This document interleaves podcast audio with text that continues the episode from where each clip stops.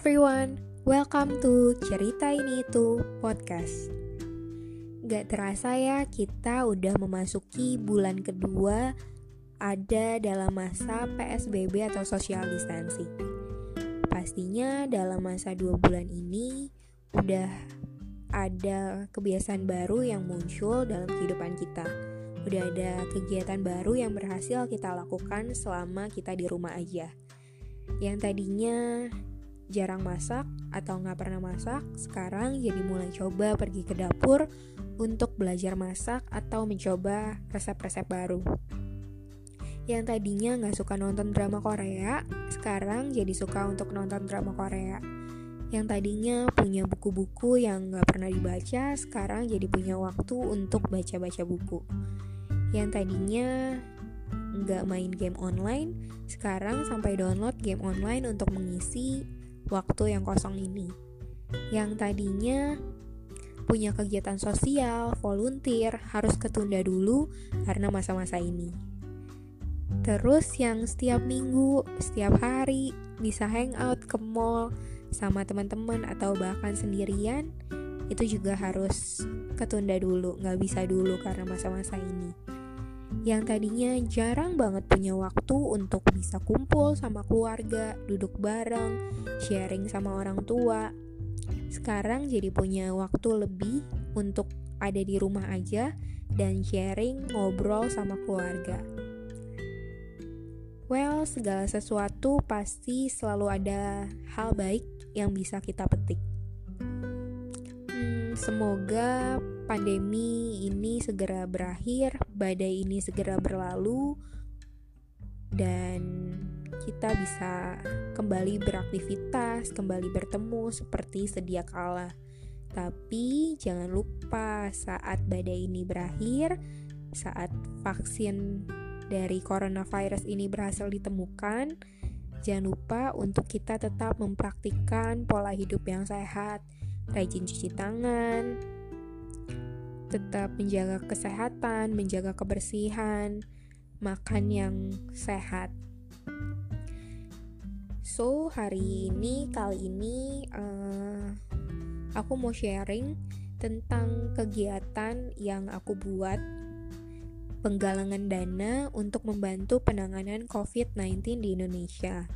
Nah, aku buat penggalangan dana campaign penggalangan dana untuk COVID-19 ini melalui platform kitabisa.com. Nah, pihak Kitabisa ini punya dua pilihan saat kita mau mengadakan penggalangan dana milik kita sendiri. Jadi, kita bisa membuat penggalangan dana milik kita sendiri dengan dua pilihan.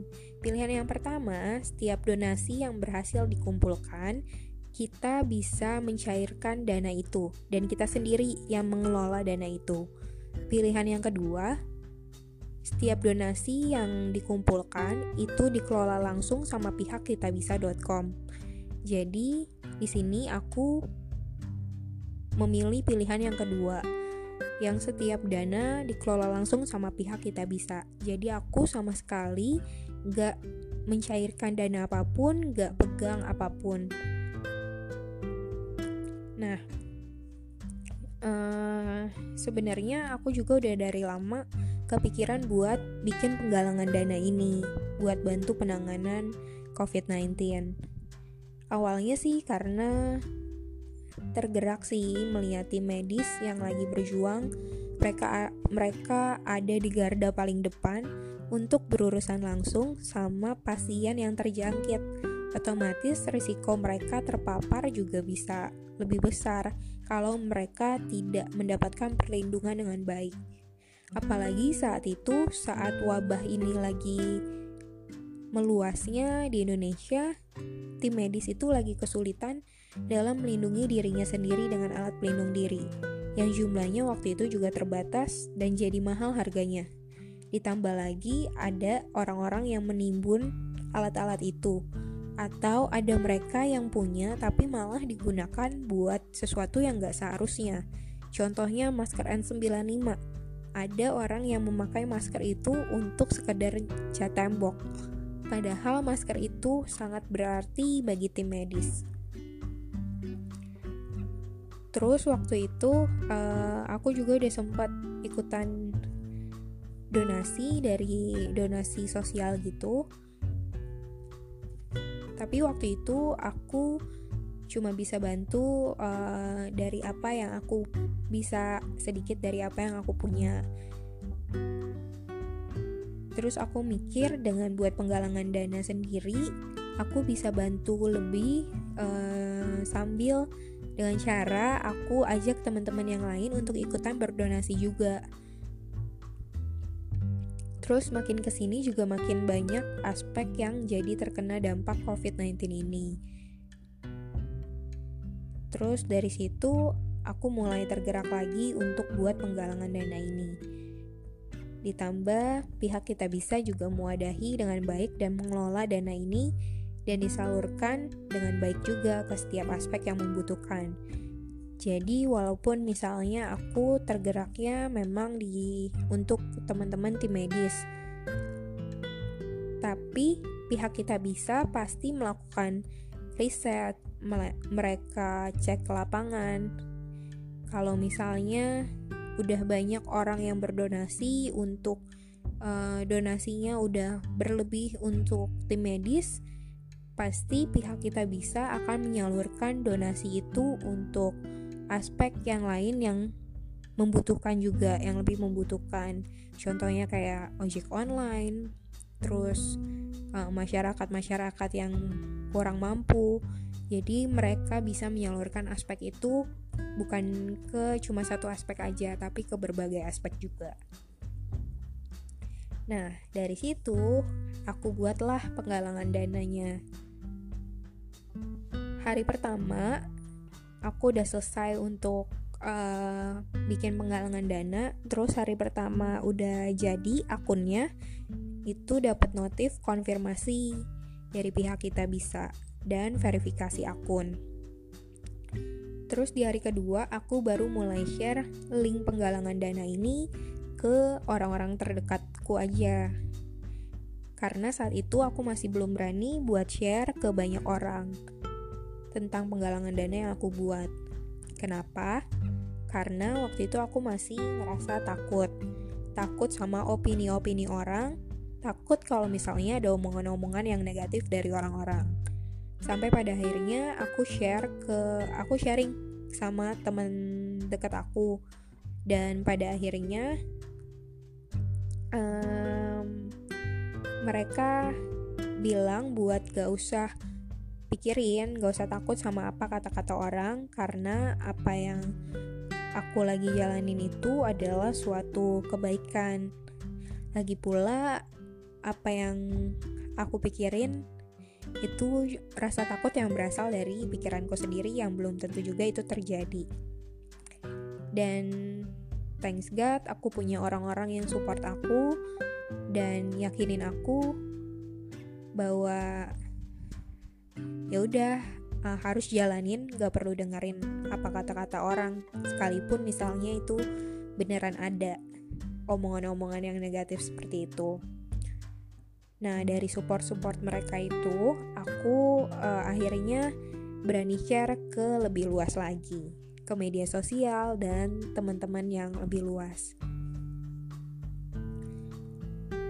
Oke jadi itu alasan uh, awalnya kenapa aku mau uh, pada akhirnya membuat penggalangan dana ini. Awalnya tergerak karena melihat tim medis dan relawan yang lagi berjuang di garda terdepan. Terus selanjutnya, saat aku lagi buat penggalangan dana ini, keadaan ekonomi keluargaku pun lagi dalam kondisi yang terkena dampak dari COVID-19 ini juga kondisinya lagi nggak cukup baik juga. Sering gak dapetin pemasukan apa-apa sama sekali. Dan uh, usaha keluargaku itu bengkel motor. Yang jalanin itu uh, papaku. Nah, papaku ini tipikal orang yang kalau misalnya anaknya libur atau nggak ada kegiatan apa pun sama sekali, sebisa mungkin dia tetap kasih uang jajan setiap hari. Terus kalau misalnya aku pergi ke minimarket atau ke warung untuk belanja uh, keperluan rumah pakai uang jajanku dari uang jajan yang dikasih itu. Nah, papaku itu pasti bakal gantiin. Tapi karena keadaannya lagi ke, uh, kayak gini sekarang dan dalam waktu yang cukup lama juga, jadi uh, papaku lagi nggak kasih uang jajan dan sebelum-sebelumnya juga aku udah sering bilang bahwa gak usah kasih dulu aja karena aku pun tahu keadaannya lagi kayak gimana.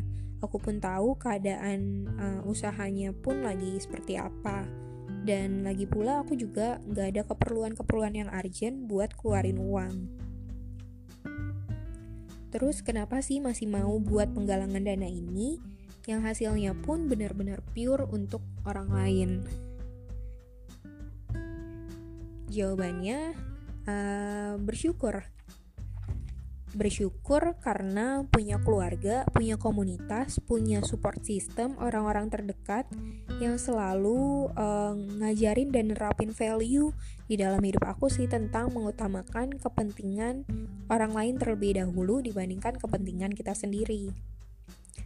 Jadi belajar untuk tetap bisa bermanfaat bagi orang lain sekalipun keadaannya lagi sama-sama struggling juga satu sama lain. Kita semua sama-sama lagi struggling juga. Karena yang aku percaya, berkat itu pasti selalu dikasih. Berkat itu udah disediakan buat setiap kita. Tapi menjadi saluran berkat dan bermanfaat bagi sesama adalah pilihan. Berkat itu pasti selalu dikasih dan disediakan buat kita. Tapi menjadi saluran berkat dan bermanfaat bagi sesama adalah pilihan. Dan aku juga keinget sama apa yang dibilang sama leader-leader aku di gereja bahwa uh, lebih baik memberi daripada menerima. Akan selalu ada musim di mana kita kelihatannya nggak menuai gak menuai hasil apa-apa dari apa yang udah kita lakukan. Tapi percayalah, sekalipun kita nggak dapetin berkat materi, berkat yang bisa kita lihat pakai mata, apa pun di hari itu seperti yang kita nggak mendapatkan apa-apa. Kita bakal tetap dipelihara sama Tuhan, sama Sang Pencipta kita dengan caranya yang unik gak akan kita dibiarkan mati kelaparan atau langsung jatuh miskin. Karena Tuhan janji kalau berkatnya selalu baru setiap pagi. Kasih dan rahmatnya gak akan pernah ada habis-habisnya. Jadi bersyukurlah kita kalau sampai saat ini kita masih bisa bertahan hidup dengan segala keterbatasan yang ada. Kita masih bisa makan, minum, punya pakaian untuk hari ini, masih ada tempat tinggal, artinya berkat Tuhan masih terus mengalir dalam hidup kita. Selama masih ada hati yang percaya sama Tuhan, kita nggak akan pernah dibiarkan kekurangan. Karena Tuhan adalah sumber dari segala sumber. Aku bersyukur buat setiap musim yang diberi, pasti selalu ada aja suatu hal atau pelajaran baru yang didapat. Kita mungkin gak akan pernah tahu musim kehidupan kita akan seperti apa aja di depannya. Tapi kita selalu tahu bahwa ada Tuhan yang selalu pegang kendali. Sekalipun kelihatannya Tuhan gak bekerja, Percayalah kalau dia selalu bekerja untuk mendatangkan kebaikan. Semua orang pasti pernah ada di masa-masa sulit, tapi respon kitalah yang membedakannya. Dan kemampuan untuk tetap punya respon yang baik itu datangnya dari hubungan kita sama Tuhan, Sang Pencipta kita. Dan yang pasti punya support system yang positif. Nah, jadi itu alasan aku why I made this campaign. saat lagi dalam keadaan yang sama-sama struggling, aku belajar untuk tetap bisa jadi saluran berkat bagi orang lain. Terus, buat setiap kita yang nggak bisa donasi, nggak bisa bantu apa-apa secara materi untuk penanganan COVID-19 ini, jangan berkecil hati karena kebaikan itu bukan cuma sekedar tentang materi aja atau barang, tapi tentang kemurahan hati kita. Saat kita uh, belajar untuk mau duduk bareng pada akhirnya sama keluarga kita dalam masa-masa seperti ini saat kita mulai peduli sama orang-orang di sekeliling kita saat kita nanyain kabar mereka saat kita memberikan kata-kata yang baik, kata-kata yang menguatkan bagi mereka. Dan dalam masa-masa kayak gini pun, kita tetap bisa melakukan kebaikan. Mungkin ada orang-orang yang membutuhkan pendengar saat kita lagi di rumah aja, saat kita lagi banyak-banyaknya pergumulan Nah, jadilah pendengar yang baik bagi eh, orang-orang uh, di sekitar kita. Di situasi yang seperti ini juga yang semuanya jadi serba online, serba digital, segala sesuatu dilakukan uh, melalui online. Gak bisa lagi tatap muka secara langsung. Percaya nggak percaya, kita lagi beradaptasi sama masa uh, untuk musim ke depan di mana segala sesuatunya akan menjadi lebih serba online dan digital.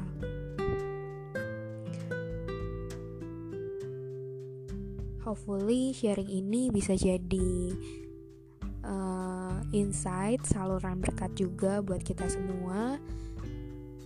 Dan yang terpenting tetaplah lakukan kebaikan apa pun itu uh, sekecil apa pun itu itu tetap punya punya dampak bagi diri kamu dan orang-orang di sekitar kita. Thank you buat semua teman-teman yang lagi dengerin podcast ini yang udah ikutan donasi maupun sebarin link donasinya juga. Tuhan yang balas setiap kebaikan hati kalian. Uh, satu kalimat terakhir untuk podcast kali ini, kebaikan itu selalu dimulai dari diri kita sendiri. Kebaikan selalu dimulai dari apa yang kita punya, dan kebaikan gak akan pernah salah. Thank you for listening. Stay hope, stay healthy, stay at home, and always be kind. See you in the next episode.